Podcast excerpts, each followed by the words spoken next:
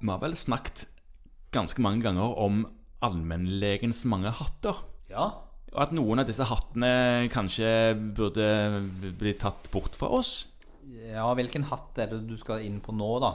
Nei, jeg tenkte på hatter som vi vil ha vekk, og det kan være mange ting. Men akkurat nå tenkte jeg på en hatt som noen har tatt, som vi kanskje burde hatt. Den, Ja. eh, ja. Um, og det gjaldt dette med førerkort, egentlig. Ja, førerkort. Der skjer det jo stadig ting. Ja, og det er alltid problematisk å til en pasient som du skal ha en god og forhåpentligvis fruktbar relasjon til enda noen år, si at du dessverre syns ikke at du burde kjøre bil lenger. Det er en utfordring i mange situasjoner. Ikke alltid, men mange ganger. Mange ganger er det det. Ja. Fordi at når du ofte sier det, så er, tror jeg du tenker på at det er fordi at det begynner å bli litt kognitiv svikt. Og Ja. da er også innsikten i egne evner begrenset. Ja, de, de eh, har jo begrensa evne til å forstå hvorfor du sier som du gjør. Ja. Men, men dette Det er jo en stund siden at man eh, plutselig ble fratatt holdt på å si, den, det kravet. ja, nå tenker du på dette kravet om systematisk kognitiv testing av alle. Ja visst, det Ja. tenkte jeg på. Ja, det har blitt betydelig Og det er et politisk vedtak, men Ja. det har blitt betydelig utvanna som sier at nå skal man kun gjøre testing hvis man har mistanke om kognitiv svikt. Ja. Og så er jo det store spørsmålet som, som mange av oss da stiller, er hvordan får man den mistanken? Fordi at det vet vi av erfaring er vanskelig å avdekke i tidlig fase. Ja, og dette er det jo sagt mye om av mange allerede, så vi trenger ikke dvele så mye med det. Vi bare kan si at det er kanskje litt uheldig at man slipper folk ut på veiene som kanskje ikke burde vært der. Det er et stort problem. Eh, Så det andre praktiske problemet som mange har opplevd i det siste, er jo det at de flytta grensen for legeattesten fra 75 til 80 år. Ja, det skjedde. Eh, og det, det har vært litt variabelt kommunisert ut, så det kommer en del folk og bestiller time for legeattest. Som de- egentlig ikke trenger det. Nei, de er 77-78 år, og de trenger ikke det. Nei, for De kommer fordi at den attesten de fikk da de var 75, nettopp har gått ut. Ja, Så de kan egentlig fornye førerkortet sitt på trafikkstasjonen på vanlig vis. Så altså bare møte opp og si 'hei, jeg trenger nytt'. Ja, og da vil du få Ja, nå skal det helst skje på nett, da. Det er sånn covid-regel. Ja, det tror jeg nok egentlig er en digitaliseringsregel, men det er noe så. Eller digitaliserings... Fremskritt, Fremskritt, ja. vil Fremskritt, ja. noen, noen si. Den på 78 syns kanskje ikke det. Den på 78 med litt vanskelig for bank i, det syns ikke det. Nei, det kan men Han ville sende brev eller faks eventuelt. Men Ja. uansett, da.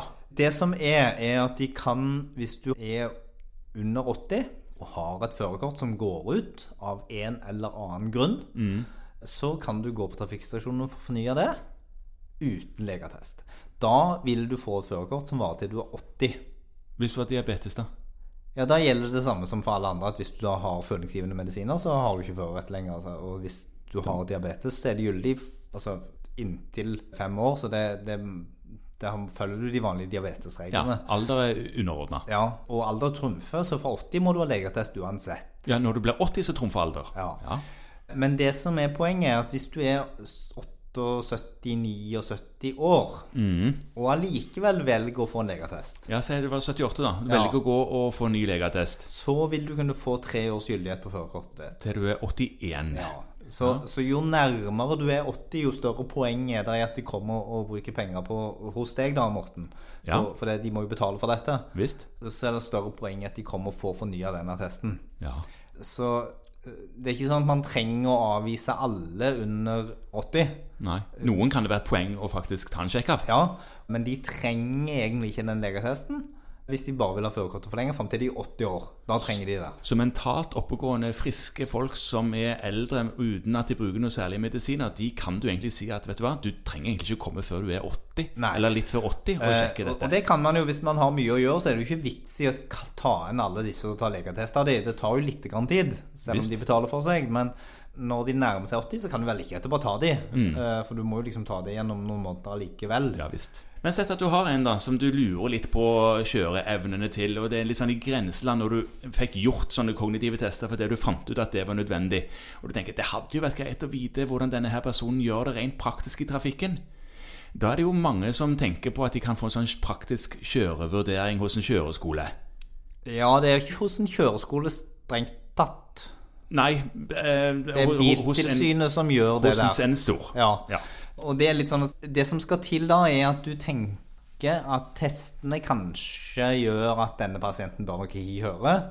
Men at du lurer på om de allikevel kanskje kan. Det er litt i grenseland, dette her. Ja. eh, og der det er gode grunner til å tenke at det er fornuftig at de fortsetter å kjøre bil. Ja. For man skal ha litt sånn terskel for å bruke dette her apparatet. Ja, Eh, men hvis kan du, du- tenk, tenker at det er Det bør ikke kjøres, så skal ikke dette brukes liksom for, som en sånn salvelse. Da, da er det mer sånn eh, Nei, du får ikke kjøre, så får pasienten heller klage sjøl. Ja, for der var du inne på noe. Pasienten klager sjøl, og da klager du til det som nå heter Statsforvalteren. Ja. Ja, Men Merkelig nok jobber fylkeslegen nå hos Statsforvalteren, så han, fylket er ikke helt avskaffa.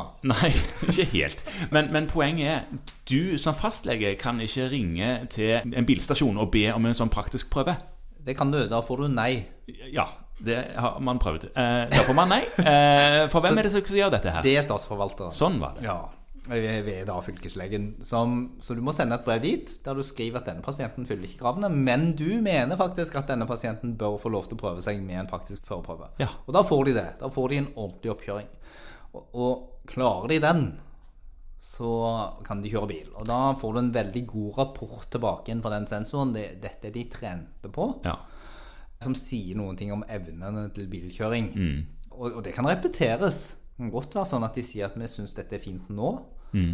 Um, anbefaler førerrett etter et år. ja, sant. Og så ta til ny vurdering. Kan vi ta en ny vurdering. Ja, og da- da, da, har du ikke, da går du ikke tilbake igjen på det. Når du først har bedt om den praktiske vurderingen, og den er god, så kan du ikke si du, eh, 'jeg har ombestemt meg, du får allikevel ikke'. Det er omtrent som Jeopardy, det, å spørre publikum om råd, og så velger du allikevel noe annet enn publikum sier. Nei, nei det, det, det kan du godt, men da tror jeg nok at klagen til statsforvalteren tas til følge. Ja. Så den vinner nok pasienten, så, så da, da er det på en måte greit, og da får de på en måte attest, da. Nettopp. Da har vi snakket litt om det med 75 og 80 overgangsordninger. Vi har snakket om dette med kognitiv svikt litt, og om praktisk kjørevurdering. Send brev til statsforvalteren, og så ordner de det. Men husk på, det er kun til å finne ut om de faktisk kan, der du tenker at de faktisk bør, og ikke som sånn støtte til din egen Nei. vurdering av å stryke de. Nei.